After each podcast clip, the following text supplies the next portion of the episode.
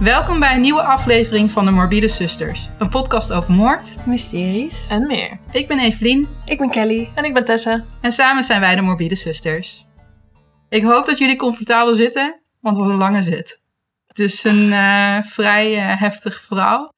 Eh, meteen een waarschuwing voor luisteraars, want het is een verhaal waarin de moord van drie kinderen centraal staat. Dus ik kan me voorstellen dat het niet voor iedereen prettig is om naar te luisteren. De vorige keer stonden ook eh, trouwens drie kinderen centraal. Ja, wat heb jij Ja. hiermee, Evelien? Ja, het is mijn lievelingsgetal. Nee, Drie kinderen. Oké, Nee, onthoud toekomstige. nee is eh, gewoon toevallig. Eh, de aflevering van vandaag heet de West Memphis 3. Want het gaat over de West Memphis 3. Vandaar ook dat het getal 3 weer centraal staat. Ik zie bij jou een lampje opgaan. ja, maar ik weet nog niet of het het juiste lampje is. Dus ga maar verder. het is een behoorlijk bekend, eh, nou, verhaal wil ik zeggen, maar het is een behoorlijk bekende zaak. Vrij controversieel ook wel. Eh, Er zijn de meningen over het algemeen best wel over verdeeld. eh, over eh, vooral wie er schuldig is in deze zaak. Eh, de zaak speelt zich af in de plaats West Memphis in de Amerikaanse staat Arkansas. En wat ik trouwens echt zo stom vind dat het. Arkansas heet, want je schrijft Arkansas. Yep, I know. Als docent Engels hou ik van dat soort dingen. Net zoals Sean Bean. Zo, is niet, makes no sense. maar goed, in de Amerikaanse staat Arkansas. Nou, als iemand een beetje bekend is met de staat van de Verenigde Staten en weet waar het ligt, dan ja. ja Midden heel of veel. nowhere. En afzet. Waar bij de vorige aflevering de politie juist best wel goed werk heeft verricht, is dat hier niet het geval. Er is ontzettend veel informatie over deze zaak te vinden, maar deze informatie wordt niet altijd even objectief gebracht. Dus dat was voor mij ook even zoeken naar een manier om het zo objectief mogelijk te brengen. En dan mogen jullie aan het einde je eigen oordeel veilen. Ben benieuwd. Ik heb naast meerdere documentaires, want er zijn zoveel documentaires te vinden over deze zaak, eh, waaronder The Forgotten Memphis 3, die begin dit jaar, begin 2020 is uitgekomen, heb ik ook meerdere online bronnen gebruikt. En eentje daarvan is een draadje op Reddit, dat heel uitvoerig in elkaar zat en waar heel veel onderzoek voor is gedaan. Net zoals altijd zijn alle bronnen te vinden in de show notes en op onze website. Zijn jullie klaar voor? Yes. Zeker. Ik ben benieuwd. Ik ben vooral heel benieuwd of het nou is wat ik in mijn hoofd heb. Maar ik wil nog niet vragen wat zeg maar het meest kenmerkend is van wat ik in mijn hoofd heb. Want dan geef ik al meteen dingen weg. Ik denk Dus dat ik ben je heel benieuwd of het de juiste is. Als, je het, eh, als het de zaak is die je kent, dan gaan er zo meteen wel lampjes bij je branden. Dat denk ik ook. Op 5 mei 1993 kwam de achtjarige Michael Moore na schooltijd gekleed in zijn Cub Scout uniform aan op de fiets bij het huis van zijn vriendje, de tevens achtjarige Stevie Branch. Stevie had zelf ook net een nieuwe fiets gekregen. Nou, ik weet niet eh, of je het nog kan herinneren toen jullie acht waren, maar ook wanneer ik een nieuwe fiets kreeg, wil je me naar buiten toe, lekker rondfietsen op je fiets. En ook even iedereen je nieuwe fiets laten ja, zien. precies. Even shinen. Vooral eh, door, de hele, door het hele dorp eh, lekker rondjes rijden. Dat wilde Stevie dus ook, want net nieuwe fiets. En daarom kwam Michael Moore natuurlijk bij hem op de fiets. Zodat ze samen lekker konden rondfietsen. Michael vroeg aan Pam, dat was Stevie's moeder, of het goed was dat ze dus een eindje gingen rondfietsen. En Pam vond het eigenlijk wel prima, zolang Stevie wel op tijd thuis zou zijn. En dat was dan om kwart voor vijf. Moest hij weer thuis zijn. Waarom? Want Pam die moest toen naar werk. Die was eh serveerster en die had een avondshift. Zie weer een parallel met het vorige verhaal. Kinderen die op tijd thuis moeten zijn. Ja, moest jij vroeger nooit op tijd thuis zijn? Nee, maar ik heb het vaag. Je, jawel, maar ik heb het vaag vermoeden dat deze kinderen niet op tijd thuiskomen. Ja, hoe kan het anders een moordzaak zijn? Ik was wel altijd op tijd thuis. Geen moordzaak, gelukkig. Maar eh, net zoals eh, bij de vorige aflevering beloofde Michael in dit geval aan Pam, Stevie's moeder, dat ze op tijd thuis zouden zijn. En vervolgens fietsten ze samen weg. En het was rond half vier 's middags toen ze wegfietsten bij Stevie's huis. En niet veel later werden Michael en Stevie door meerdere mensen samen met de tevens achtjarige Chris Byers gespot in de buurt. Dus inmiddels waren drie eh, jongetjes, Michael, Stevie en Chris. Eh, Chris had zelf trouwens geen fiets. Hij had vaak een skateboard bij zich. Maar wat hij dan wel vaak deed, is dat hij bij een van de anderen achter op de fiets ging staan. Het drietal trok er graag samen op uit. Maar Michael werd vaak omschreven als de leider van de groep. Ondanks dat Michael dus aan Pam Hobbs had beloofd, aan de moeder van Stevie, uh, dat ze om kwart voor vijf thuis zouden zijn, of dat Stevie om kwart voor vijf thuis zouden zijn, werden de jongens door verschillende familieleden en buurtbewoners tussen vijf uur en kwart voor zeven s'avonds gespot op verschillende plekken in de buurt. Dus uh, die jongens hielden zich niet aan de regels.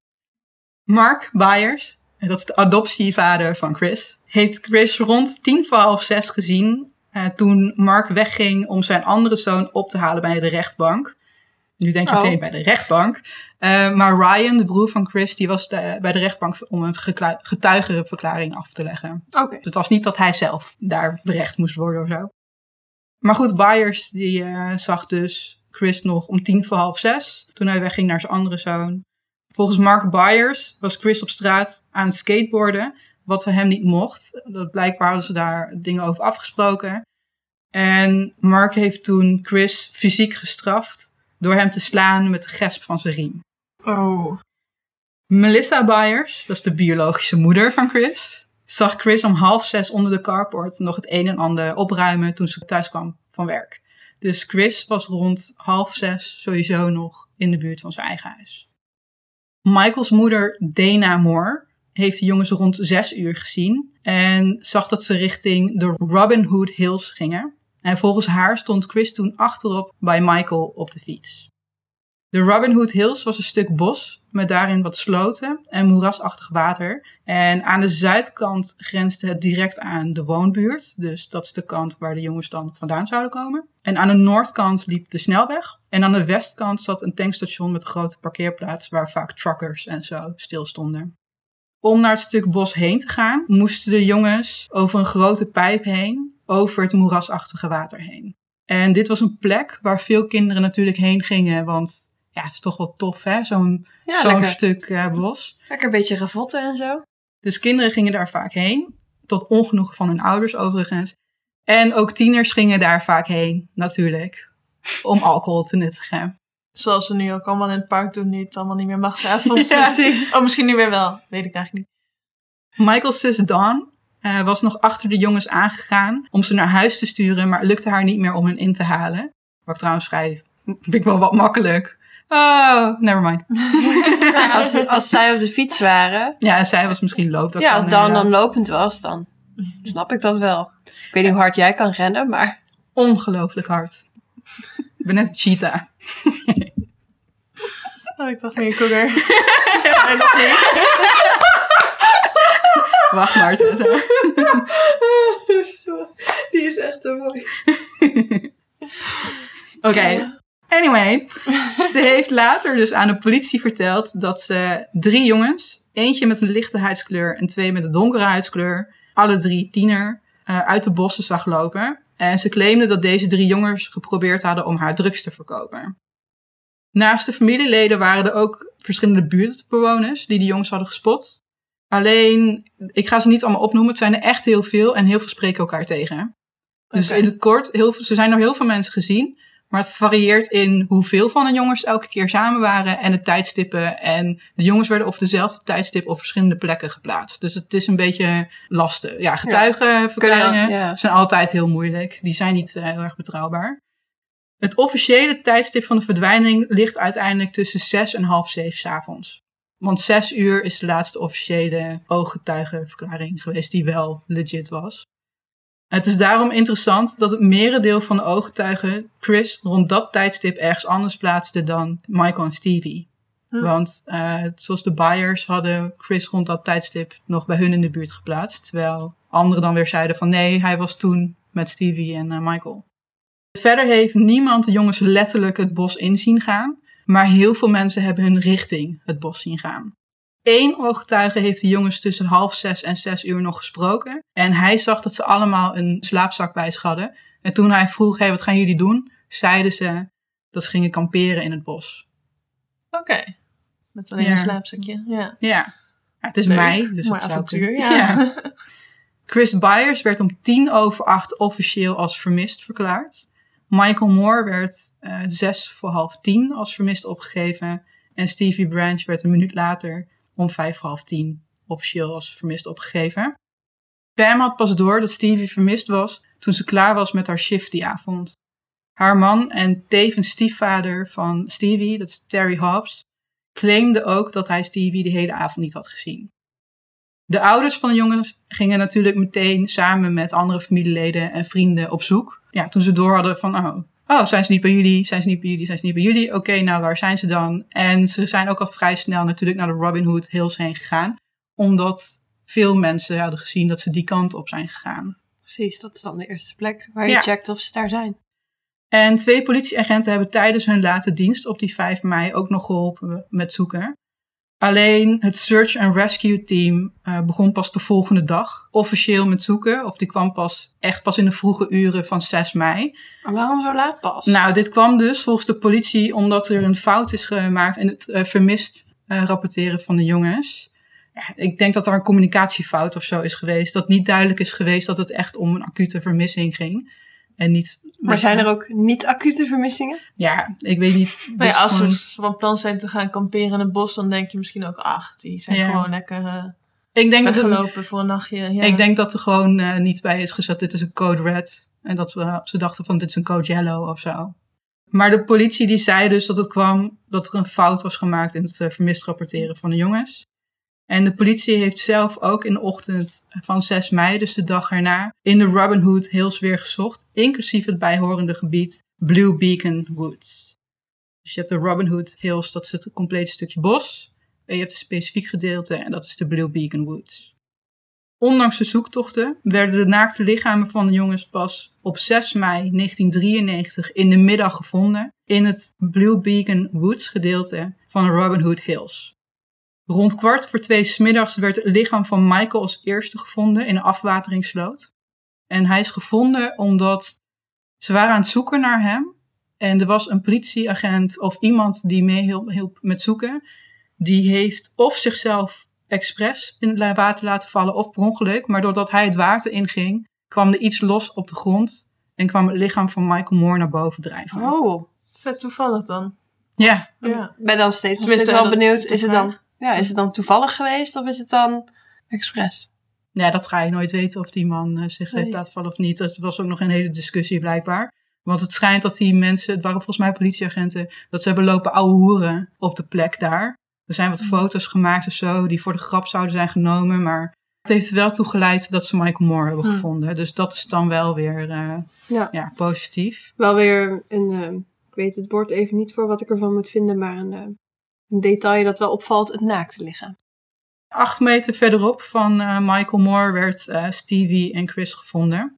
Lagen die wel bij elkaar? Ja, die lagen dichter bij elkaar. Eh, bij alle drie de jongens waren de polsen vastgebonden aan de enkels met vermoedelijk hun eigen schoenveters. En rond vier uur 's middags werden de lichamen door de politie uit de greppel verwijderd en kwam de lijkschouwer ter plekke aan. En ze hadden in die tussentijd die afwateringssloot weer een stukje laten draineren om beter bij de, het plaatsdelict te kunnen. Ja, misschien of ze nog wel bewijsdingen, bewijsmateriaal vinden. Nou ja, de lichamen zijn dus naakt gevonden, maar hun kleding was wel aanwezig op het plaatsdelict. Iemand heeft de kleding met stokken in het modder geduwd. En de politie kwam hier pas achter nadat ze die sloten dus voor een groot gedeelte leeg hadden laten lopen. Deze stokken zijn overigens pas twee maanden later opgenomen als bewijsmateriaal, ondanks dat er op een van de stokken een stuk t-shirt zat. Oké. Nou, over de kleding die de politie heeft gevonden. Vijf sokken en twee paar ondergoed ontbrak. Dat hadden ze dus niet gevonden. Dus ze hebben maar één sok en één onderbroek gevonden. Eh, ja. Want het zijn drie kinderen. Oh, Ja. gek. ja, dus eh, best wel vreemd. Ja. Eh, de politie heeft wel de broeken van alle jongens gevonden en het Cub Scout shirt en pet van Michael Moore. Want die had natuurlijk zijn Cub Scout kleding aan. Dat was een heel ding, want daar was hij heel trots op. En dat wilde hij het liefst elke dag aan hebben. Maar de twee andere shirts die ze daar hadden gevonden waren niet de shirts van Chris en Stevie. Tenminste, niet de shirts die ze die dag aan hadden. Oké. Oh. Interesting. De kleding bevatte geen sporen van bloed en lieten verder weinig tekens van worsteling zien. Nou ja, dat is ook wel logisch als de kleding al uit was gedaan voordat er überhaupt iets eh, plaats heeft gevonden. Ja.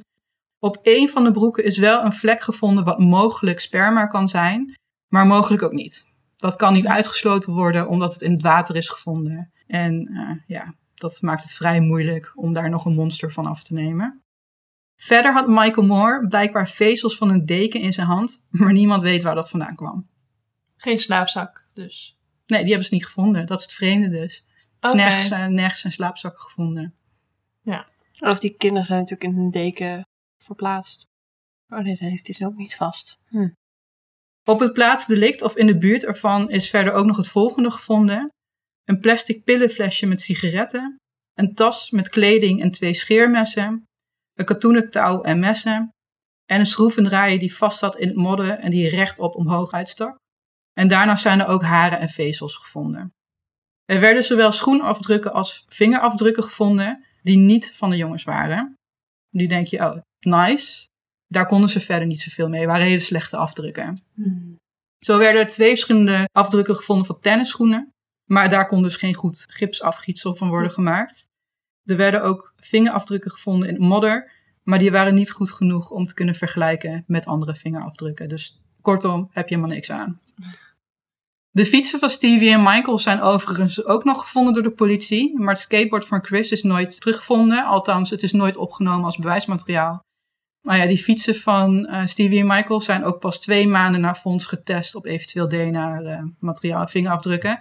Heeft uiteraard ook niks opgeleverd. Op het plaatsdelict werden geen sporen van bloed gevonden. Maar ze hebben wel een test met luminol gedaan. En volgens deze test zouden de jongens zijn vermoord op de plek waar ze zijn gevonden.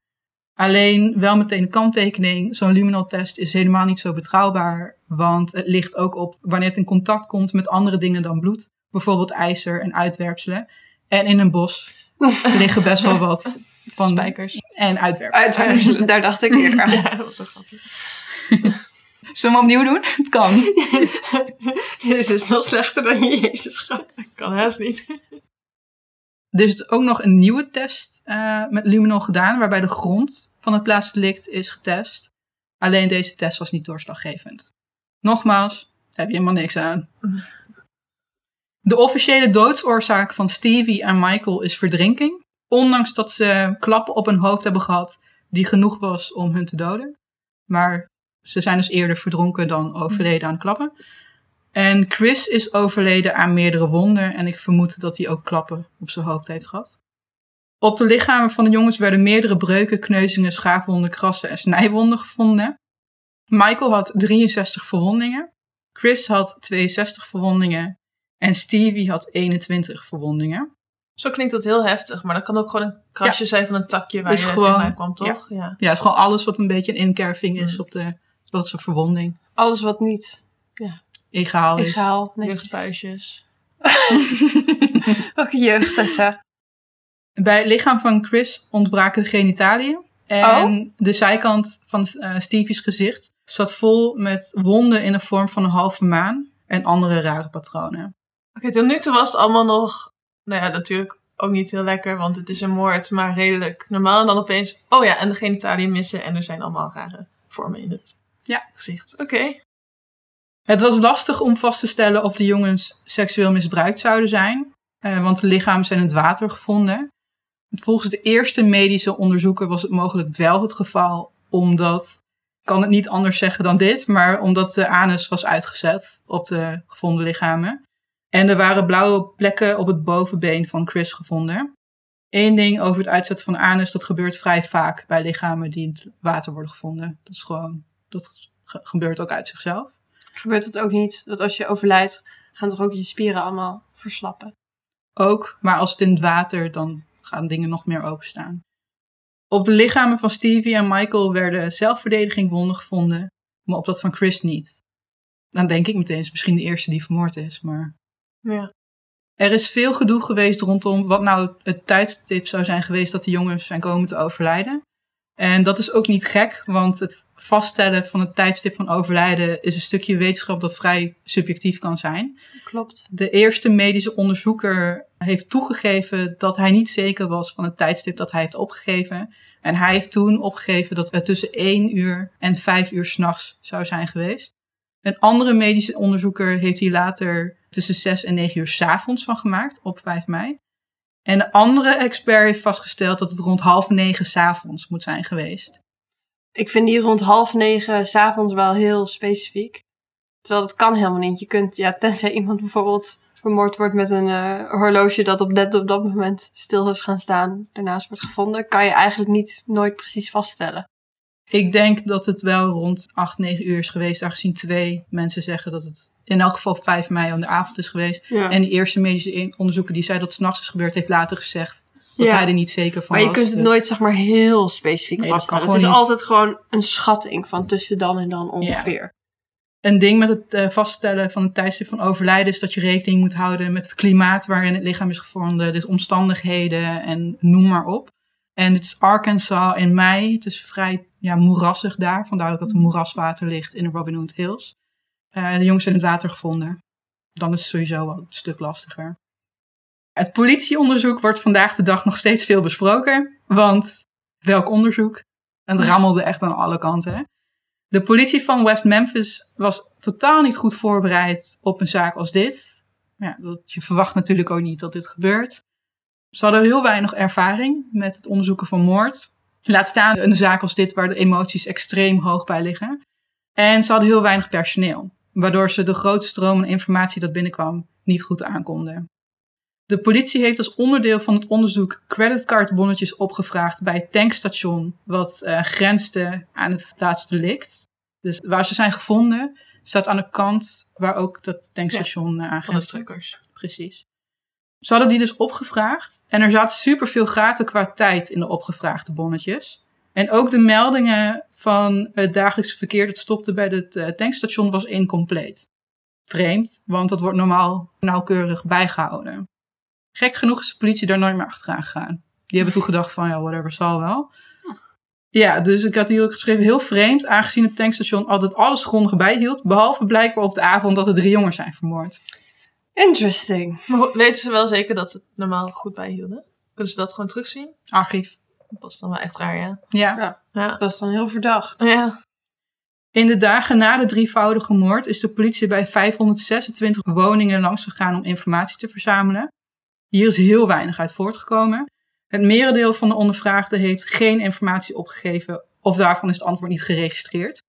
Slechts 17 mensen hebben uiteindelijk uitvoerige informatie gegeven.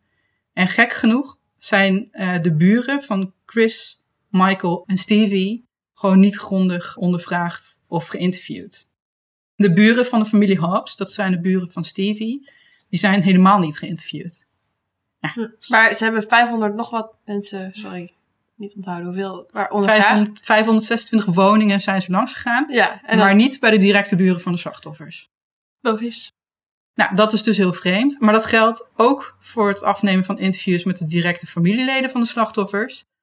Mark Byers, dat is de adoptievader van Chris, is eigenlijk de enige die een lange verklaring heeft afgegeven. Melissa Byers is heel kort geïnterviewd. Pam Hobbs en Dana Moore zijn niet echt geïnterviewd, maar hebben op 10 mei, vijf dagen nadat ze jongens vermist waren, hebben die een kort gesprek gehad met de politie, wat wel geregistreerd is.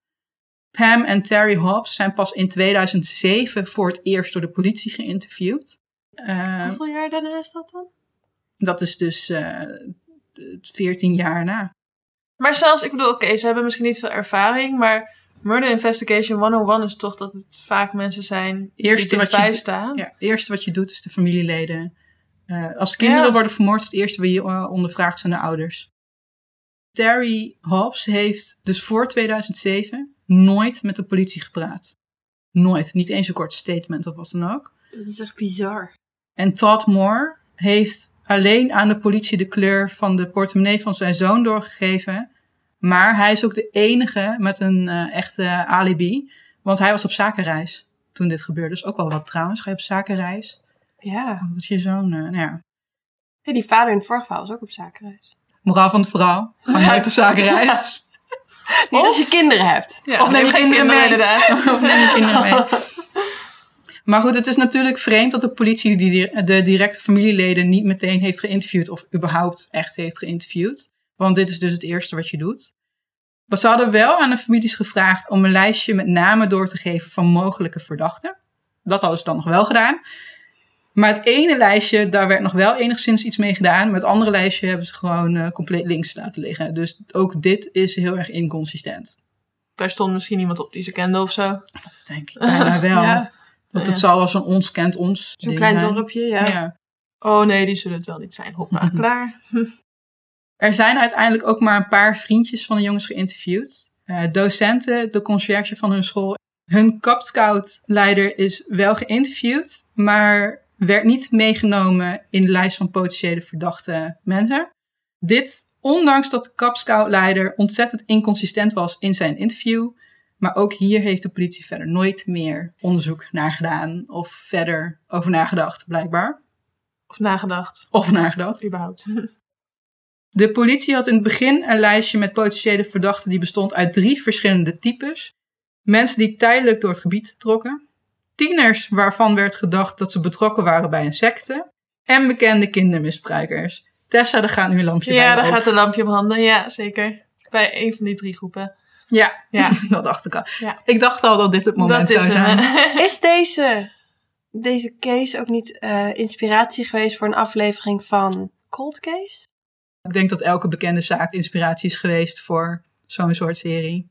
Want die aflevering heb ik gezien. En sommige dingen van het verhaal komen overeen met een aflevering die ik heb gezien. Ja, ik heb volgens mij een documentaire gezien hierover. Maar inderdaad, eh, het politiefalen was al wel een beetje een hint. Maar nu dit helemaal, ja.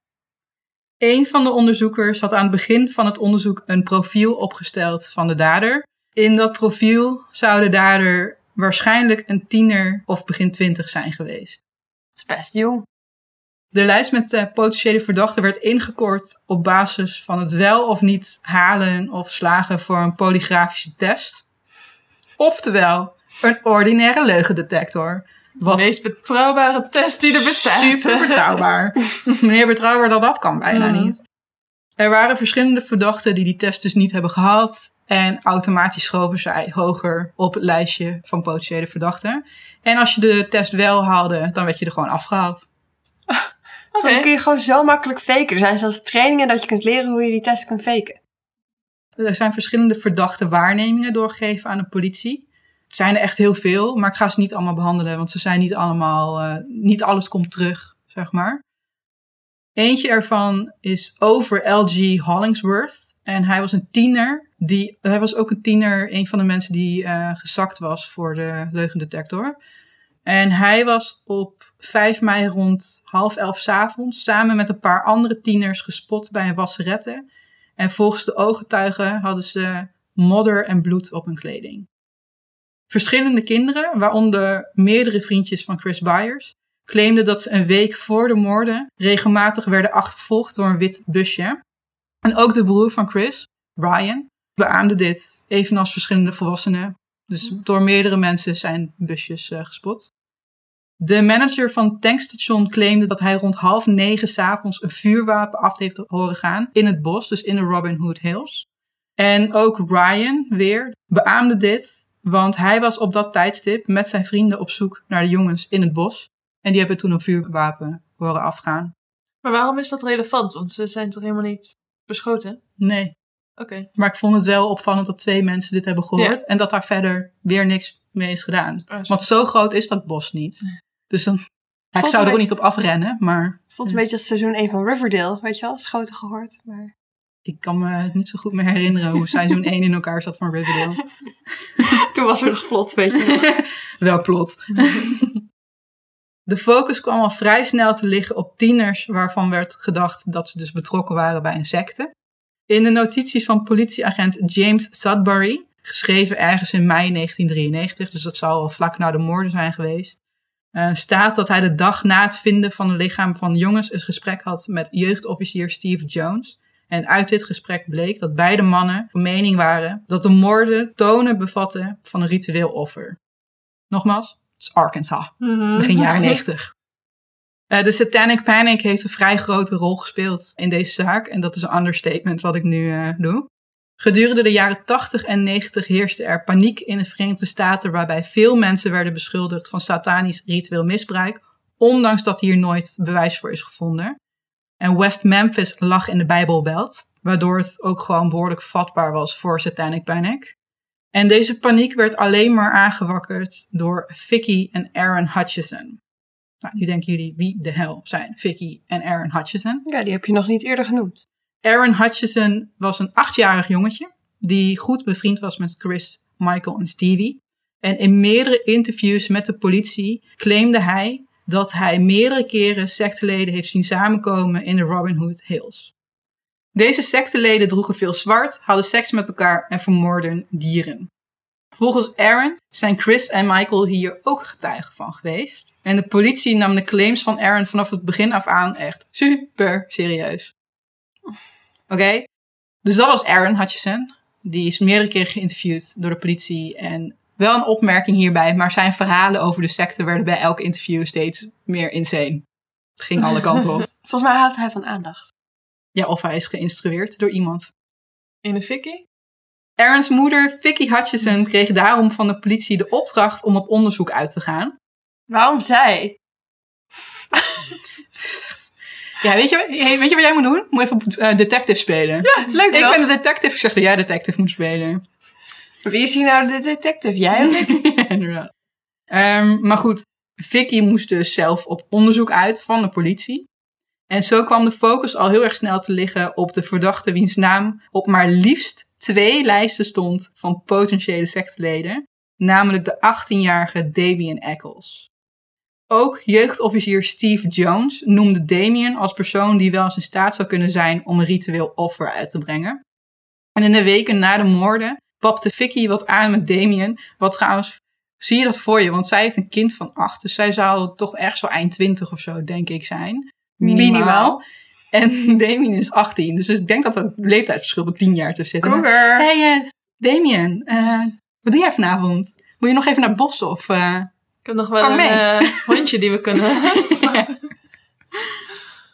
In de weken na de moorden papte Vicky dus wat aan met Damien. En zij claimde dat Damien en een andere tiener, de 17-jarige Jessie Miss Kelly, haar op 19 mei 1993 mee hebben genomen naar een bijeenkomst van de secte voor een zogenaamde orgie. Dit was een van de dingen die ze heeft geclaimd, maar deze was het meest opvallend. De politie die kwam dus al vrij snel op het spoor van Damien Eccles te zitten. Daarna kwam ook al snel Damien's beste vriend, de 16-jarige Jason Baldwin, in beeld. En via Vicky Hutchison werd dus de connectie gelegd met de 17-jarige Jessie Miss Kelly. De term West Memphis 3 refereert naar de tieners en niet naar de slachtoffers. En dat vind ik wel erg, Ja. persoonlijk. Al is lopen de zaken vooruit, maar de vraag of ze dat niet ook een beetje zijn.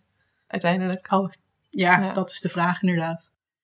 Ik begin me nou ook heel erg af te vragen of het nou die, die cold case aflevering is. Want er waren het ook tieners die heel erg, weet je wel, een beetje goth emo-achtig waren. En dat was natuurlijk in die tijd heel erg. Waarschijnlijk. En dit is ja. de hoogtij van de grunge. Ja, Volgens mij Ja. was, ja, ik weet niet of ik dit soort dingen nu moet zeggen hoor. Maar die Damien Eccles, als ik me herinner, was inderdaad echt iemand met, met van die overhemden. hij was breed een overhemden. Nou, hij was een god. zwart haar. Oh god, oké. En laten we even eerlijk zijn, volgens mij hebben wij allemaal ook zo'n fase gehad hier aan tafel. Absoluut. Ja hoor, nog steeds. Of is het een foto's fase? zijn echt diep verborgen. Of is het een fase? ja, nou ja, ja, valt ook wel mee. Damien Eccles werd gezien als de leider van het trio. Vandaar ook dat alle aandacht eigenlijk op hem kwam te liggen. Hij was een vroegtijdige schoolverlater en een opvallende verschijning met zijn zwarte kleding, grote lege kisten, tatoeages en trenchcoats. Damien had interesse in het occulte en werd door zijn moeder omschreven als iemand die zichzelf slimmer vond dan anderen, waardoor hij weinig respect had voor anderen. Veel mensen, waaronder zijn jeugdofficier, dachten dat Damien lid was van een secte, maar het kan heel goed zijn dat Damien deze geruchten zelf heeft aangewakkerd. Oh ja, nog één ding trouwens over zijn naam. Hij is trouwens niet als Damien geboren. Hij heeft later zelf zijn naam gewijzigd naar Damien. En heel veel mensen denken dat hij dat heeft gedaan vanwege die film... eh, waarin ook zo'n jongetje die Damien, wat dan de Antichrist zou zijn. Zo'n horrorfilm die ik nooit heb gezien. Een van de weinige horrorfilms die ik nooit heb gezien. Ehm, maar hij claimt zelf dat hij de naam heeft veranderd naar Damien vanwege Father Damien. En dat was een belangrijke figuur in de katholieke kerk. En daar had hij interesse in. Maar goed, het kan dus zijn dat Damien deze geruchten zelf heeft aangewakkerd. Want hij was best wel een beetje een, eh, een edgy. Ken je de Tiener. Breakfast Club? Ja, Ik doe me een beetje denken aan dat. die gast. Ja. dat. Ja. dat dus. Damien's familie was totaal niet hecht. Meerdere mensen claimen dat er een vorm van misbruik plaats zou hebben gevonden binnen het gezin. Ook al ontkent Damien hier slachtoffer te zijn geweest, maar het is volgens mij wel bewezen dat zijn zus is misbruikt door of de vader of de stiefvader. Al met al was Damien een jongen met een verontrustend verleden en best wel wat mentale problemen. Nadat hij heeft gezegd dat hij zelfmoord wilde plegen, werd hij dan ook opgenomen in het ziekenhuis. En hier werd hij omschreven als depressief en teruggetrokken. In het verleden was hij wel eens fysiek agressief tegen zijn klasgenoten. En ook zijn moeder maakte zich vrij veel zorgen over zijn woede en de agressie die in hem zat. Uiteindelijk kreeg hij de diagnose dat hij dus depressief was en dat hij een bipolaire stoornis zou hebben. Iets waar hij medicatie voor heeft gekregen en waar hij voor in therapie is gegaan. Door veel mensen werd hij gezien als koudbloedige psychopaat. Maar door heel veel anderen wordt hij juist, of werd hij juist gezien als onbegrepen emo-kid slash goth. Want toen had je nog geen emo's. dat was onze jeugd. Nou ja, ja. Ik was meer alto. Ja, altijd, maar bij ons had je nog goth en pas eigenlijk einde middelbare school kwamen de emo's bij mij. Dus MySpace- dat de auto voor. MySpace was het de hoogtijdagen van de emo's. Dat sowieso. Maar ja, anderen die zagen Damien dus juist als iemand die verkeerd werd begrepen. eh, dat hij een goth was. Maar wel als iemand die altijd op zoek was naar aandacht. Daar waren de mensen het wel over eens. Het was gewoon iemand die best wel wat aandacht eh, nodig had. Het is bekend dat Damien heel veel heeft gelogen met betrekking tot de zaak. En het is opvallend dat Damiens kenmerkende trenchcoat ineens was verdwenen na de moorden. Maar dat het nooit is ingediend als bewijsmateriaal. Er werd beweerd dat Damien vlak na de moorden over informatie beschikte die hij alleen kon weten als hij erbij was geweest. Maar het is onduidelijk of dit nou wel of niet het geval was. Dat kan natuurlijk ook een gerucht zijn geweest om hem meer eh, verdacht te maken. Jason Baldwin was Damiens beste vriend. Hij was ook de jongste van het eh, drietal. En samen met Damien is hij wel eens opgepakt voor vandalisme en winkeldiefstal. Maar hij deed het eigenlijk best wel goed op school. Hij haalde best wel hoge cijfers en had het talent voor tekenen. Hij en Damien hadden vooral interesse in dezelfde muziek. Daar luisterden ze dan ook samen naar. En ze hadden allebei best wel een scheidhekel aan West Memphis. Ja, zijn Kan ik me iets Altern- bij ja, als, eh, Dat is ja, niet een heel beetje vreemd. anders dan Dan pas je ook niet in zo'n dorpje. Nee, precies. En dan heb je dus nog Jesse Miskelly. En hij was net als Damien ook een vroegtijdige schoolverlater. Hij zou een re- reputatie hebben gehad vanwege zijn slechte humeur en neiging om betrokken te raken bij gevechten. Jesse heeft toegegeven dat hij in het verleden drugs heeft gebruikt eh, en dat hij benzine zou inhaleren. En het schijnt trouwens ook dat Jesse best wel veel alcohol dronk. Volgens Damien waren hij en Jason niet goed bevriend met Jesse. En Damien heeft zelfs geclaimd dat ze Jesse helemaal niet kenden voor de moorden. Maar dit is echt bullshit, want er is behoorlijk veel bewijs dat ze in dezelfde kringen Verkeerde. verkeerden. Ze waren niet goed bevriend of zo, maar ze kenden elkaar wel. Ze waren friendly met elkaar. De tieners hadden alle drie geen goede alibi. Nou, daar ga je al. Jesse claimde dat hij op 5 mei tot aan etenstijd aan het werk was voor een dakdekker. Maar zijn werkgever kon later aangeven, ja dat is dus niet waar, want ik heb hem rond lunchtijd naar huis heen gebracht. Er waren meerdere mensen die claimden Jesse te hebben gezien aan het einde van de middag tot ongeveer etenstijd. Maar er waren ook weer heel veel mensen die dit ontkennen. Jesse claimde uiteindelijk dat hij in de avond naar een eh, worstelwedstrijd was, want hij deed aan wrestling. Ook dit wordt door meerdere mensen beaamd. En door meerdere mensen wordt het weer ontkend. En uiteindelijk is er gewoon geen hard bewijs voor dat er überhaupt een worstelwedstrijd was die avond. Meerdere mensen hebben Damien en Jason samen op straat gezien aan het einde van de middag op 5 mei. Veel mensen claimden dat ze Damien op bepaalde tijdstippen op bepaalde plekken hebben gezien, maar ook weer heel veel mensen die dit ontkennen en dingen die elkaar tegenspreken. De tijdstippen van de waarnemingen wisselen echt enorm. Wat wel heel erg opvallend is, is dat Damien's moeder aan een familievriendin, Susan Sanders, wat een superheldennaam is dat trouwens, voor de arrestatie van Damien had eh, de moeder van eh, Damien dus die opgebeld om haar eraan te herinneren dat de familie Eccles bij haar op bezoek was geweest op 5 mei.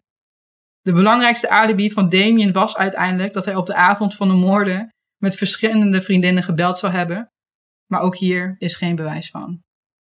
Ook Jason claimde dat hij in de middag samen met Damien en Damien's vriendin Darmany op pad was, zowel bij hem thuis als op verschillende andere plekken. En in de avond zou hij naar Walmart zijn geweest met een vriend, maar ook dit kon niet bewezen worden. Uiteindelijk kon niemand bevestigen waar Jason precies was op de dag van de moorden. Ja, het hielp dan ook niet mee dat Damien en Jesse beide niet slaagden voor de leugendetectortest en Jason weigerde mee te werken aan een uh, polygrafische test. Ik weet niet of je nou blij of niet blij moet zijn dat tegenwoordig met GPS dit allemaal niet meer zo uh, zou kunnen. Volgens mij Ja. kan je niet altijd weten waar iedereen is. Welk nadeel heb ze voordeel? Oh, Johan Cruijff. Ja, en dat ik ook denk, is het nou slim of niet dat hij die leugendetectortest heeft geweigerd? Ik denk dat het slim is. Hij was 16. Ja.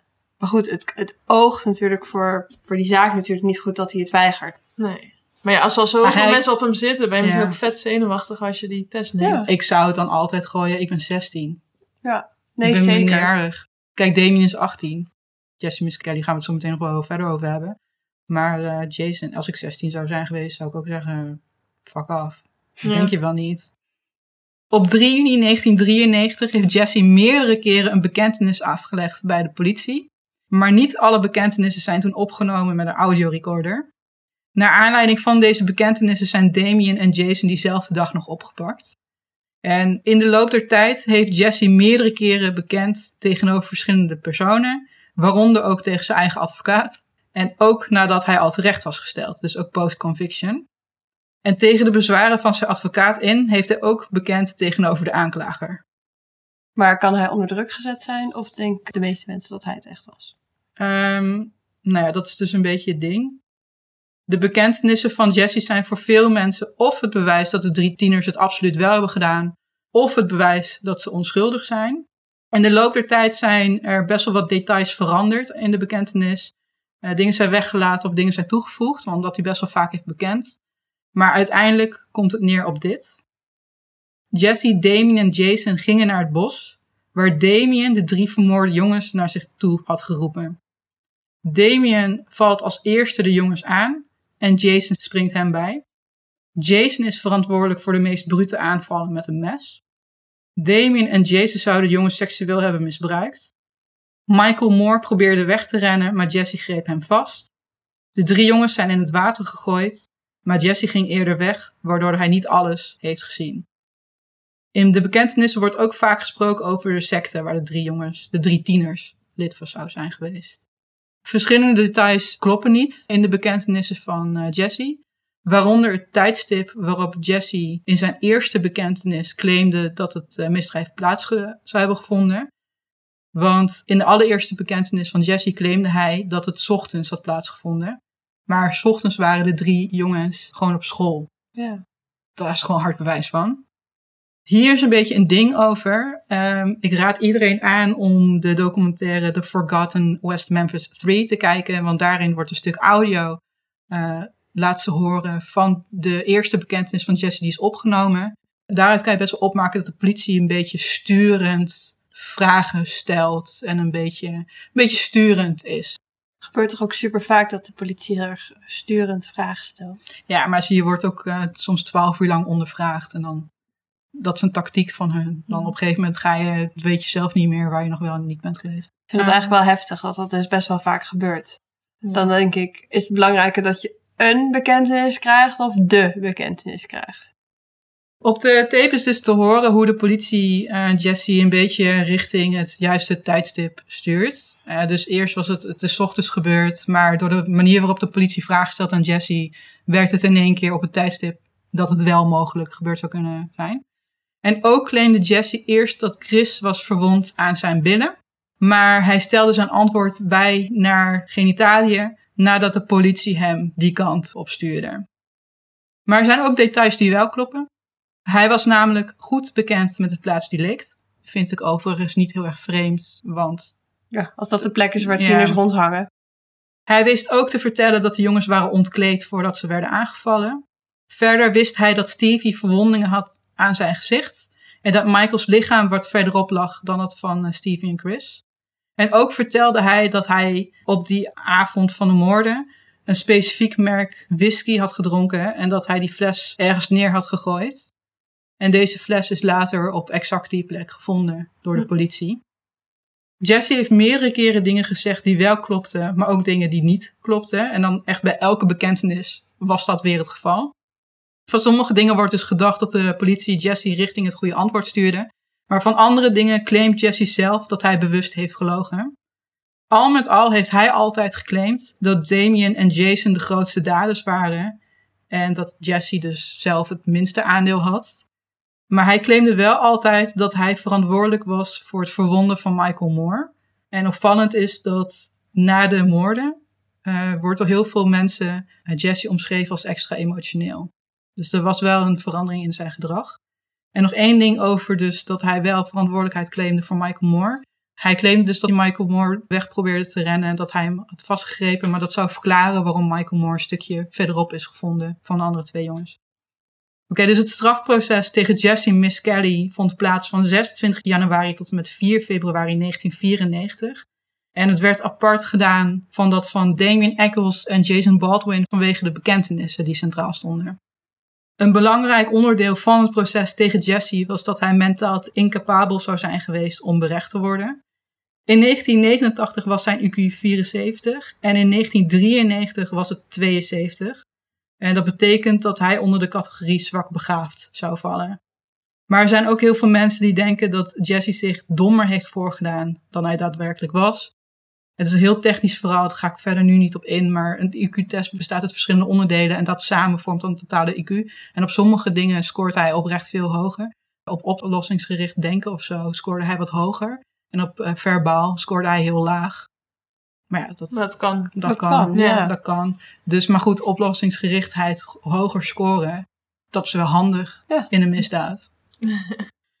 maar goed, zijn IQ was dus wel tussen 1989 en 1993 zo tussen de 72 en 74. Dus laten we een voordeel van de twijfel geven. Misschien dat het aan de hoge kant van de 70 zou zitten. Is nog behoorlijk laag hoor. Ja.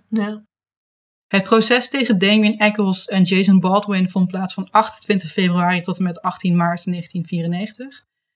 Er zijn heel veel mensen geweest die hebben geclaimd dat Damien, Jason of Jesse de moorden tegen hun heeft bekend. Eh, Maar de volgende zijn opgeroepen als getuigen bij de rechtszaak tegen Damien en Jason.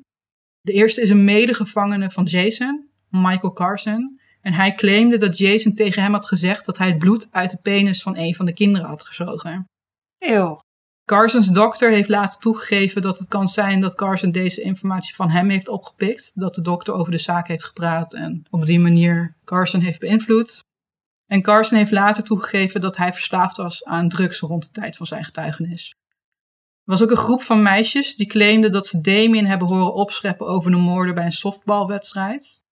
De meeste meisjes hebben dit via via gehoord, maar vijf meisjes claimden dat ze het met hun eigen oren hadden gehoord. Volgens de veldbeheerder is Damien meerdere keren aanwezig geweest bij een softbalwedstrijd. Want dat was weer een ding, want Damien zei van, oh, toen was ik er niet, bla bla. Maar dat was gewoon dan wel weer bewijs dat hij daar wel is geweest.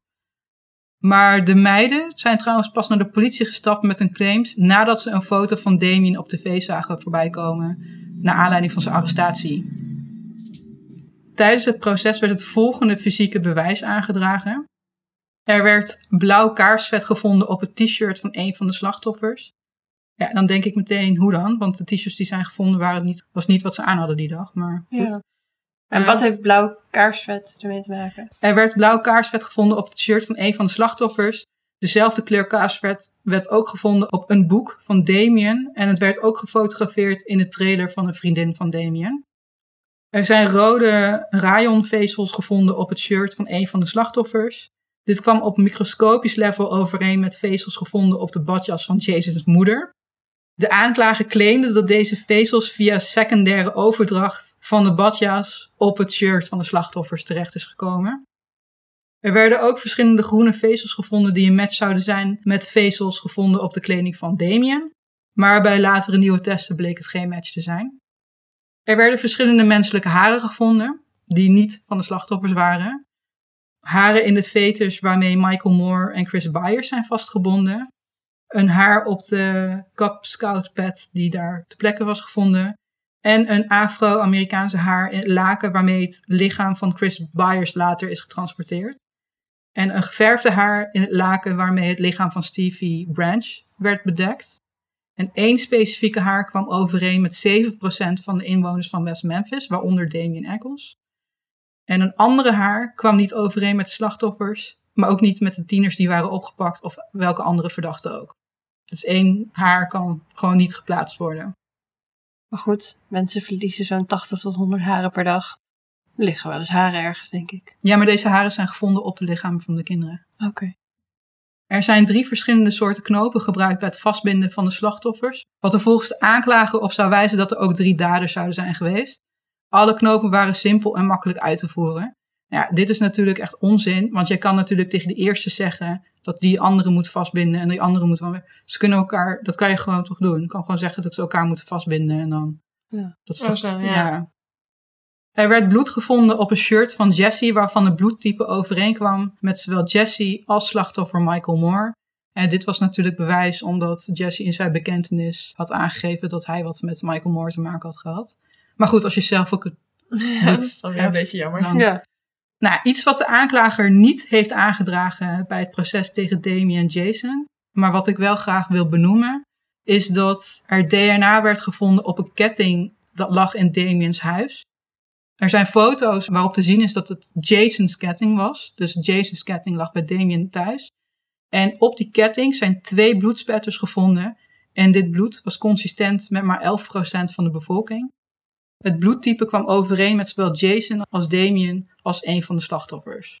Ook werd de fles Evan Williams whisky niet aangedragen als bewijs, ondanks dat dit een van de weinige fysieke bewijzen was wat het, eh, de bekentenis van Jesse ondersteunde. Interessant dat dat dan Ja. niet is meegenomen in het strafproces. Getuige Narlene Hollingsworth claimde tijdens de rechtszaak dat ze samen met haar familie, Damien en zijn vriendin Damini om half tien s'avonds in de buurt van het plaatsdelict heeft gezien op dus 5 mei 1993. Narlene kende Damini heel erg goed en ze herkende Damien aan zijn opvallende zwarte kleding. Want dat was natuurlijk een verschijning in West Memphis. Alleen de aanklager claimde dat ze Jason Baldwin zou hebben gezien en niet Damien. Ja, dat kan je misschien zien als dat ze heel weinig bewijs hadden tegen Jason. Maar goed, nog steeds is het dan opvallend dat Narlene Hollingsworth dus wel Damien heeft gezien in de buurt van het plaatsdelict rond die tijd. Maar wel ook steeds dus met die Domini. Want heeft hij dan, zou die er dan iets te maken mee moeten hebben? Of die was er gewoon... Damini was er blijkbaar soms bij. bij. Dat is de vriendin van eh, Damien. En die, eh, die wordt vaker genoemd in getuigenverklaringen. Die was ook, Ja. want soms werd Damini met Jason en, en Damien samengespot. Maar half tien is dan waarschijnlijk vlak daarna. Volgens het eh, tijdstip van die ene expert Ja, ja, goed. zou het ja, dan dat is natuurlijk ook zijn. allemaal nog de vraag. Ja. Eigenlijk zijn het allemaal een beetje van die Ja, Het is allemaal niks heel net niet. concreets maar of zo. Het zou kunnen. Maar dat is het hele probleem. Niks is concreet in deze zaak. Anders was het waarschijnlijk ook al lang een vergeten zaak. Als het zo opgelost was. In de bekentenis van Jesse werd genoemd dat Jason met een mes te werk zou zijn gegaan. En vanwege het ontbreken van de genitaliën van Chris Byers en de wonden aan het gezicht van Stevie Branch, focuste de aanklager zich op een mes als moordwapen. Dit zou het mes zijn geweest van Jason Baldwin. En het mes werd in november 1993 opgedoken in een meer achter de trailer waarin hij woonde. Het lemet was 9 centimeter lang en het had een handgreep van 5 centimeter. En volgens de fabrikant ging het om een vrij standaard mes. Maar volgens een van de medische onderzoekers kwamen de verwondingen op de lichamen van de slachtoffers overeen met dit type mes. Er werd geen bloed, vingerafdruk of iets anders gevonden op het mes. Nou, lijkt me niet zo vreemd als het is opgedoken uit een meer. Ja. In Jesse's bekentenis claimde hij dat Jason een zakmes van 15 centimeter bij zich had. Dat komt dus niet overeen met het mes dat is gevonden. Volgens Jason's moeder was het mes al in het meer gegooid voordat de moorden hebben plaatsgevonden. Iets wat door verschillende mensen werd beaamd. En volgens mij is er ook een affidavit voor geschreven. Dus de getuigenissen hebben dat ook ondertekend en zo. Verder heeft het team dat het mes heeft gevonden toegegeven dat ze niet het hele meer hebben doorzocht. En dat het voor hun al wel duidelijk was dat het meer werd gebruikt als een uh, afvaldumplek. Het is allemaal weer. Ja, het is allemaal weer, ja. ja. Ja. Ook weer bij het strafproces heeft de Satanic Panic een grote rol gespeeld. Zo heeft de aanklager een occult-expert, Dale Griffiths, laten getuigen. Ondanks dat deze dude een diploma had, waarvan we nu zouden zeggen dat het van zo'n waardeloze online school komt. Maar sowieso, een fake diploma. occult expert. Ja, de rechtbank vond zijn getuigenis alsnog toelaatbaar, omdat hij een expert zou zijn op het gebied van het occulte. Het kan natuurlijk als je echt daadwerkelijk hebt bestudeerd, eh, weet ik veel, historicus bent. Maar dit klinkt niet alsof het type is dat... eh, Nee. Zijn diploma was gewoon niks waard. Dat is gewoon zijn hobby. Ja, ik denk dat hij gewoon, een, ja... Deze gast. Het was dit keer trouwens geen Nederlander. Nee, inderdaad. Voor de verandering zitten geen Nederlanders in het verhaal. Ah. Gelukkig maar. Ja. Volgens Griffiths bevatten de moorden attributen van het occulte, omdat ze plaats hebben gevonden op een afgelegen plek, bij volle maan, en de slachtoffers waren vastgebonden en in het water gelegd. Juist. Behalve die volle maan. Oh. En dat is ook best wel random. Nee. Ja, en volgens Griffiths zou het laatste, dus dat het, eh, de lichamen in het water zijn gelegd, eh, een belangrijk onderdeel zijn van Wiccan-rituelen. Ja. Ja, en daarnaast was 5 mei een week voor een prominente occulte feestdag, namelijk een vruchtbaarheidsfeest. Eén ding, in zijn eigen kalender van occulte feestdagen zaten iets van 12 of 13 feestdagen in. Dus bijna elk misdrijf ook- zou in de buurt zijn. Ja, en- van, en- en Het week meest van bekende tevoren. feest is ervoor, ja. Het is juist begin mei, Beltany. Maar ook überhaupt een week ervoor vind ik nog iets te random. Een week voor van alles gebeurt van alles. Ja, ja, je moet toch wat verzinnen. Ja. Maar zo kan je alles wel aan iets koppelen. Ja, dat is dus wat hij doet. Ja. Tijdens het proces werd de focus ook gelegd op een occult boek dat Damien in zijn bezit had, namelijk The Book of Shadows. Daarnaast had hij een boek over een hoofdfiguur van de Salem heksenvervolging in A History of Magic geleend van een bibliotheek. Weet je trouwens wat een Book of Shadows is? Ja, ik, ik had er wel wat dingen over gelezen. Er zitten allemaal rituelen in, maar er ja, zitten het ook is hele... gewoon een heksenboek wat Ja. elke Wiccan of wat dan ook heeft om dingen in te schrijven. Ja, en dan focus dat dan... Kruidensmeersels en zo. Ja, precies. Maar, dat, maar er zouden ook meer sinistere dingen in hebben Ja, gestaan. dat en daar werd dan de focus op gelegd. Ehm, oh ja, en ook zijn tatoeages werden onder de loep genomen. Net als wat van eh, zijn schrijfsels. En overigens was Jason's enige connectie met het occulte... dat hij wel eens een zwart t-shirt droeg... en dat hij bevriend was met Damien. Oh, nou, dan zijn wij ook... eh, Oké, we zijn niet bevriend met Damien, maar... Ja, en de connectie zou natuurlijk dan zijn die sectes. Want in het proces tegen Jessie werd Vicky Hutchison opgeroepen als getuige vanwege haar claims dat Jessie erbij was toen Damien haar meenam naar zo'n bijeenkomst van de secte Met de in het orgie. bos met de orgie. Ja. Niet vergeten. Ja, gek genoeg werd ze niet opgeroepen als getuige tegen Damien en Jason. Haar zoon Aaron claimde pas na de arrestatie van de tieners dat dit de tieners waren die betrokken waren geweest bij de secte die hij had gezien. Aaron is ook nooit opgeroepen als getuige. Zowel niet tegen Jesse als tegen Jason en eh, Damien. Oké, de verwondingen van Chris Byers en Stevie Branch zouden wijzen op satanisch ritueel misbruik. Nou, dat was een heel ding, want dat was een beetje de het grootste bewijs van, zie je wel, het is een ritueel offer, want de genitaliën zijn afgehaald en het gezicht van Stevie is toegetakeld. Maar tegenwoordig zijn er heel veel experts die beweren dat de verwondingen zijn veroorzaakt door dierlijke predatie. Waaronder bijtschildpadden die leven in het moerassige water in Robin Hood Hills. En in die documentaire die ik had gekeken, The Forgotten West Memphis 3, zijn er meerdere experts die ook uitleggen hoe dit gedaan kan zijn. En heel veel die verwondingen bijvoorbeeld van Stevie Branch, die half eh, maandjes en die andere patronen, dat kan gewoon zijn hoe zo'n schildpad Hm. in je erin ik moet lachen omdat het er ook uitziet als het nu al een paar seconden lang voordoet. Kijk zo! Het is misschien een beetje eh, nare vraag, maar zijn die genitaliën ooit nog gevonden? Nee. Dus het kan zijn dat ze zijn opgegeten. Ja, Door het maar dan- schildpad. is, is het dan niet te zien of dat netjes is afgesneden of... dat Nee, ehm, ja. dat mes wat ze dus als moordwapen beschouwden, daar zat zo'n kartel Oh, eh, oké. aan. Ja, En het was namelijk, dat is het hele punt. Het zijn geen clean cuts. nee. Het is allemaal slordig en met kartel en zo. Dus ja, het kan ook afgebeten zijn, want dan is het ook geen, Ja. geen clean cut. Ook zou er volgens huidige experts geen sprake zijn geweest van seksueel misbruik in verband met gebrek aan sperma in de orale en of anale holtes en zware verwondingen aan anus. Jason werd dus samen met Damien berecht en dat was heel erg in zijn nadeel. Het meeste bewijs was namelijk tegen Damien, niet tegen Jason. Ze hadden amper bewijs tegen Jason. En Jason werd er eigenlijk alleen maar bijgehaald vanwege zijn vriendschap met Damien. Het hielp verder ook niet mee dat Damien zich ontzettend opvallend gedroeg tijdens het strafproces. Nogmaals, het is iemand die ontzettend kikt op aandacht. Zo blies hij kusjes naar de familieleden van de slachtoffers en eigenlijk behandelde hij de rechtszaak als één grote grap. De aanklager heeft ook doorgehad dat ze best wel weinig bewijs hadden tegen Jason. En hij zou Jason een deal hebben aangeboden, waarbij hij een gevangenisstraf van 40 jaar kreeg met kans op parool. En in ruil daarvan moest hij dan getuigen tegen uh, Damien. Nou, daar ging Jason niet op in. Toen kwam de aanklager terug met een nieuwe deal. 20 jaar met kans op parool. Dat zou betekenen dat hij met 10 jaar vrij zou kunnen zijn. Maar dan wel weer onder de voorwaarde dat hij moest getuigen tegen Damien. Dit heeft hij geweigerd. De drie tieners zijn alle drie schuldig bevonden. Jesse en Jason kregen levenslang zonder uh, kans op parool. En Damien werd de dood veroordeeld. Oh. Echt heftig hoor. Als gewoon een paar tieners. Dan gewoon. Ik bedoel, als ze het hebben gedaan, is het natuurlijk ook echt wel heel erg heftig. Maar het is wel insane. Ja, maar ja.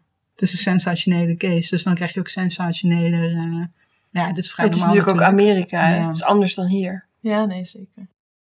Deze zaak heeft ontzettend veel publiciteit gekregen, hè, want nou ja, ik denk dat je ook wel snapt waarom. En al helemaal nadat er meerdere HBO-documentaires zijn gemaakt, genaamd Paradise Lost.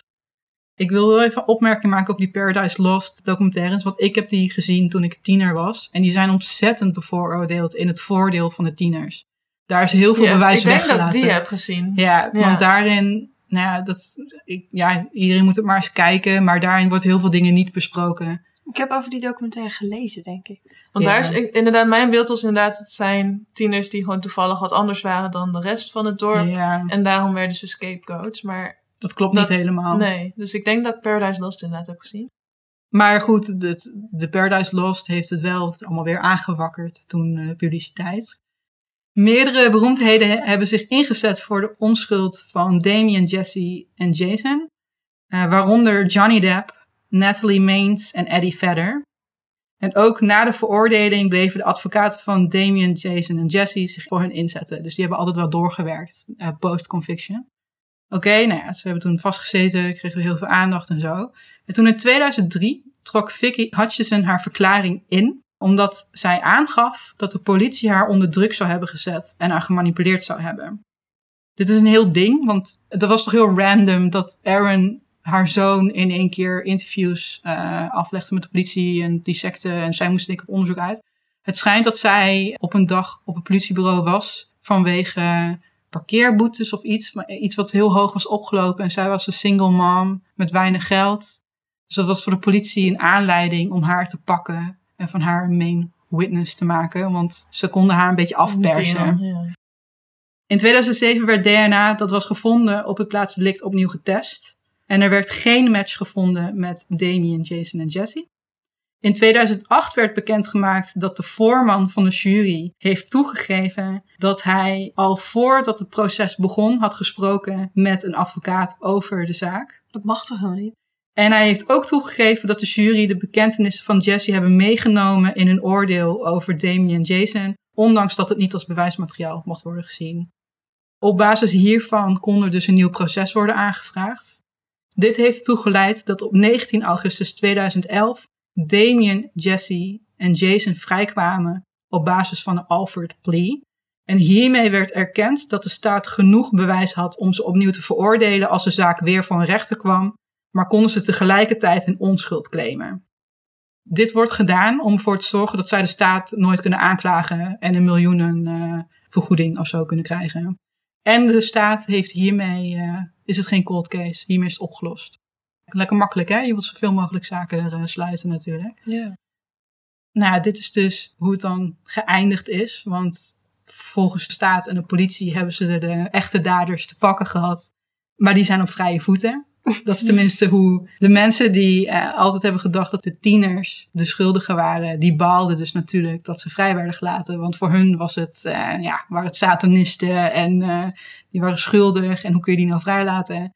Voor mensen die altijd hebben gedacht dat ze onschuldig waren, was het natuurlijk het beste nieuws ooit. Want ja, natuurlijk, want het kan toch niet dat er überhaupt een rechtszaak tegen hun was. Want alles was circumstantial natuurlijk. Ja. Dus nooit hard bewijs geweest.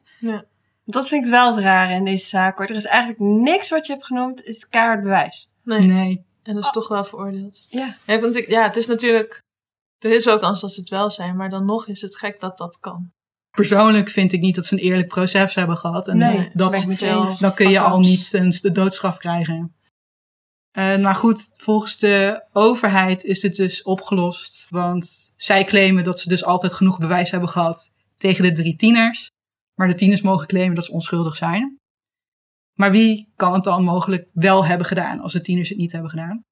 Eh, volgens de bekende FBI-profiler John Douglas zou de dader een volwassene zijn geweest met vermoedelijk een gewelddadige geschiedenis. Hij denkt dat de dader alleen te werk is gegaan en dat hij georganiseerd en methodisch was. Hij zal waarschijnlijk een bekende van de slachtoffers zijn geweest en veel tijd hebben gestopt in het verstoppen van bewijsmateriaal. Hij denkt dat de dader in eerste instantie de slachtoffers wilde straffen, maar dat hij te ver is gegaan. Dat is wel een ander profiel dan wat die eerste onderzoeker heeft opgesteld. Ik vind het ook een logischer profiel. Ik weet niet of jullie de naam John Douglas herkennen, maar hij is een ontzettend expert op dit gebied. Hij is een autoriteit. op Heeft dit hij ook een tv-serie? Of is dat iemand? Mindhunter is gebaseerd op zijn ervaringen. Oh ja. De eerste potentiële verdachte is dan Mark Byers, de adoptievader van Chris. Mark Byers was ook de focus van de eerste twee Paradise Lost documentaires. En hij kwam ook al vrij insane over. Als je die documentaires kijkt, denk je, dat is hem. Ja, Eh, was dat op jou? Ja. ja, Ja. hij wordt echt... In ieder geval die sport niet. Ja. Nee, ja. Hij had een eh, lang crimineel verleden en ook een gewelddadige geschiedenis. Na de moorden hebben de buren een contactverbod aangevraagd nadat hij hun kind had bedreigd. Byers heeft een lange geschiedenis met drugs, maar ook in de jaren na de moorden. Hiervoor heeft hij eind jaren 90 vastgezeten. Byers had een mes in zijn bezit waar bloed op is gevonden dat overeenkomt met het bloedtype van Chris. En dit is teruggekomen in een van de Paradise Lost eh, documentaires. Het was ook opvallend dat Byers begin 2000 zijn tanden laat verwijderen en heeft laten vervangen voor kunstgebit. Vooral nadat dit plaatsvond nadat het vermoeden werd gedaan dat op het lichaam van Stevie menselijke bijtwonden zijn gevonden. Dus dat nieuws kwam naar buiten en toen in één keer, kort daarna, had hij in één keer een kunstgebit. Interessant. Geen goudgebit. Geen goudgebit, maar dat kon hij uiteraard niet betalen. toen. Het enige is dat Byers altijd een alibi heeft gehad, wat door veel mensen is beaamd. Wat dan? Hij heeft heel actief gezocht naar de jongens en heel veel mensen zijn hierbij geweest. De hele avond is er altijd meerdere mensen in zijn aanwezigheid Maar je gaat toch pas zoeken als ze vermist zijn? Of Ja. ook al wel Nee, nee, nee, want daarvoor was hij naar zijn- te laat waren. Want hij was naar de rechtbank geweest, hij was naar zijn werk Ja. geweest, Ja. hij is thuis geweest. Er zijn altijd mensen bij hem geweest. Hmm. En nadat bekend was dat jongens eh, kwijt waren, zijn er ook weer, er zijn continu mensen bij hem geweest. Dus dan is het vrij lastig om... eh, Ja. Hij was verder, was die een, eh, paste die wel in het, in het plaatje. Plaatje. Ehm Byers is jarenlang een tegenstander geweest van Damien, Jason en Jesse. Maar sinds ongeveer 2010 is hij ook overtuigd van een onschuld. Hm. En dat zie je nu ook terug. Elke keer wanneer hij geïnterviewd wordt, zegt hij ook van ja, dat is, er zijn zes slachtoffers in deze zaak. Dat zegt trouwens Pam Hobbs ook, de moeder van Stevie. Die, is nu, die was ook, je moet maar eens interviews van haar kijken, maar zij heeft vrij heftige uitspraak gedaan over de tieners. En nu zegt ze ook, er zijn zes slachtoffers in deze zaak. Over Pam gesproken, haar man was destijds Terry Hobbs. De man die nooit door de politie is ondervraagd tot 2007. Bij het opnieuw testen van het DNA, dus van het haar, eh, bleek de haar die was gevonden op Michael Moore. En het was dan gevonden in de veters waarmee Michael Moore was eh, vastgebonden. Dus niet een random haar, maar het zat er echt in. Ehm, oh, het wordt dan zo gezegd, want dat is dan een juridische term. Het was niet inconsistent met dat van Terry Hobbs. Dit betekent dat Hobbs binnen een groep van 1,5% van de bevolking hoort van wie de haar kan zijn. Een andere haar dat was gevonden op het plaatsdelict, maar niet op de kinderen, kwam overeen met een vriend van Hobbs. Maar dat geldt ook voor 7% van de bevolking. Dus dat is, dat Ja, is niks. alweer meer. En het was ook op een boom of zo gevonden, dat is niks. Nog steeds geen hard bewijs dus.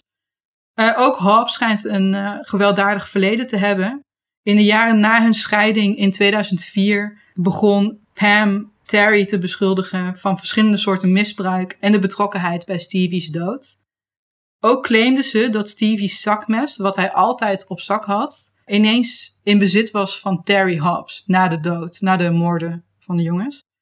En ook Hobbs' alibi kwam onder vuur te liggen. Maar het is nooit een sterke alibi geweest. Niemand heeft hem echt veel gezien op de avond van de moorden. Daarom is het ook zo vreemd dat hij nooit uh, geïnterviewd is. En drie ooggetuigen claimen dat ze Terry hebben zien roepen naar de jongens om half zeven op de avond van de moorden. En dit zou betekenen dat Terry een van de laatste mensen is geweest die de jongens levend heeft gezien.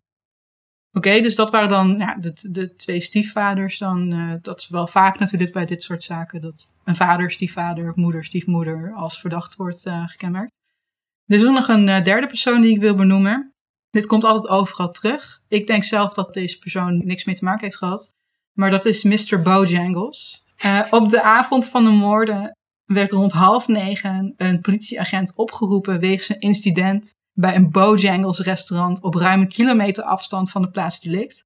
Volgens de manager was een zwarte gedesoriënteerde man die onder het bloed zat het restaurant binnengekomen en had hij geprobeerd een zonnebril door te spoelen in het toilet.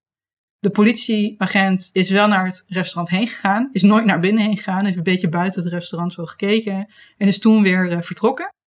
Pas de volgende dag is de manager van het restaurant geïnterviewd, zijn er bloedmonsters verzameld en is de zonnebril meegenomen. De politie is de bloedmonsters kwijtgeraakt en is verder niks met de zonnebril gedaan. Nou, dat klinkt natuurlijk super verdacht. Hier een ding over, over die Mr. Bojangles. Dat is in de loop der tijd van alles aan toegevoegd. Dat die man vol modder zou hebben gezeten, maar daar is geen bewijs van. Het enige waar bewijs van is dat hij dus, ja, dus, dus geen bewijs meer van. Maar hij zou wel bloed op zich hebben gehad. En waarschijnlijk niet zijn eigen bloed. In de documentaire The Forgotten West Memphis 3 wordt de theorie getest of Mr. Bojangles de dader kan zijn geweest. Ik raad iedereen aan om te kijken. In het kort komt erop neer dat de kans heel klein is dat deze man erbij betrokken was.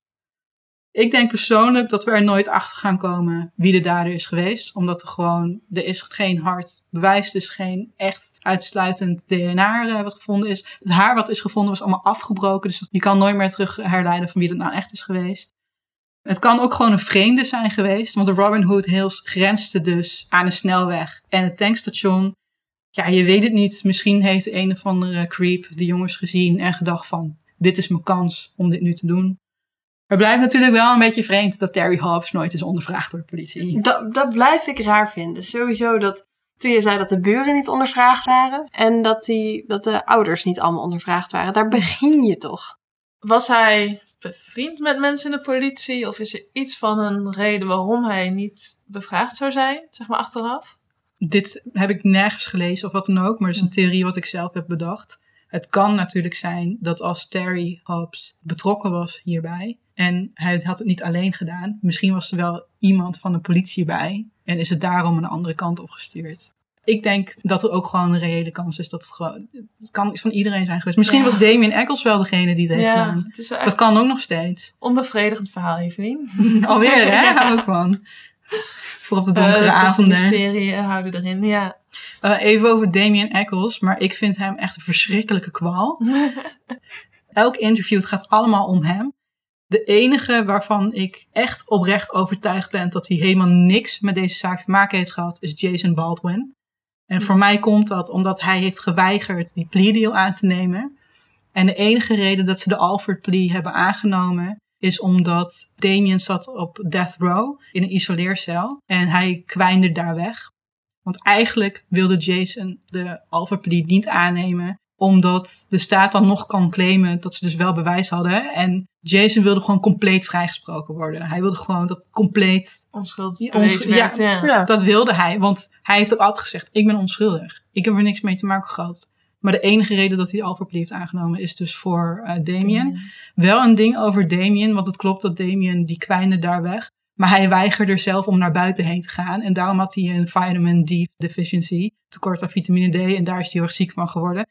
Damien is niet de meest Ik betrouwbare zat te denken, want door persoon. dat interview met hem had ik inderdaad, het was een van de eerste keren dat ik hoorde over die death row, hoe erg dat was. En dan heb ik er later nog wel, ik vind het wel fascinerend hoe eh, mensen nog zo lang inderdaad worden vastgehouden voordat ze de doodstraf is echt krijgen. onmenselijk. Ja, en mag ook dat vaak een isoleercel is en zo. Maar dat was, dit was wel een van die voorbeelden die dat lieten zien hoe erg dat was. Maar nu is dat misschien dus ook allemaal weer niet. Nou ja, op death row, erg, maar- het is heel erg. En je, je wordt daar ook mentaal ziek, want je zit in je eentje in zo'n cel. Maar je mag wel elke dag een uur naar buiten. Ja, dat, is namelijk een dus mensenrecht. Nee. En Damien heeft dat gewoon geweigerd.